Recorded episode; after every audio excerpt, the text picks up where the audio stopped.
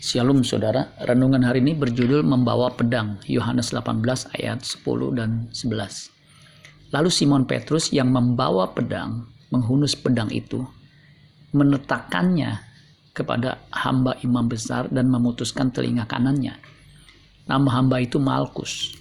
Kata Yesus kepada Petrus, sarungkan pedangmu itu. Bukankah aku harus minum cawan yang diberikan Bapa kepadaku? Siapa yang biasanya membawa pedang? Prajurit atau jawara selalu membawa pedang untuk berperang.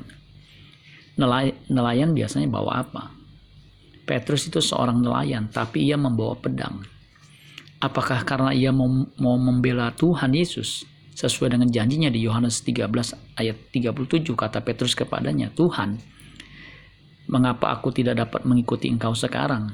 Aku akan memberikan nyawaku bagimu atau dia salah sangka dan sok tahu dengan pernyataan Tuhan Yesus dan menafsirkannya menafsirkannya secara hurufiah pernyataan Yesus ini. Yohanes 13 ayat 37. Kata Petrus kepadanya, Tuhan, mengapa aku tidak dapat mengikuti engkau sekarang? Aku akan memberikan nyawaku bagimu. Tindakan Petrus memanfaatkan pedang dapat dipahami mengingat pernyataan kesetiaannya itu dalam Yohanes 13 ayat 37. Jika Kristus mau, ia dapat mengirimkan para malaikat untuk menghancurkan penyerangnya. Markus 26 ayat Matius 26 ayat 52.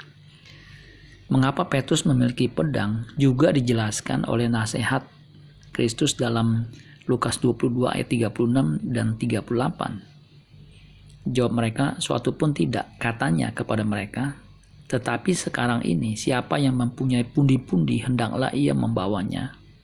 Demikian juga yang membawa yang mempunyai bekal.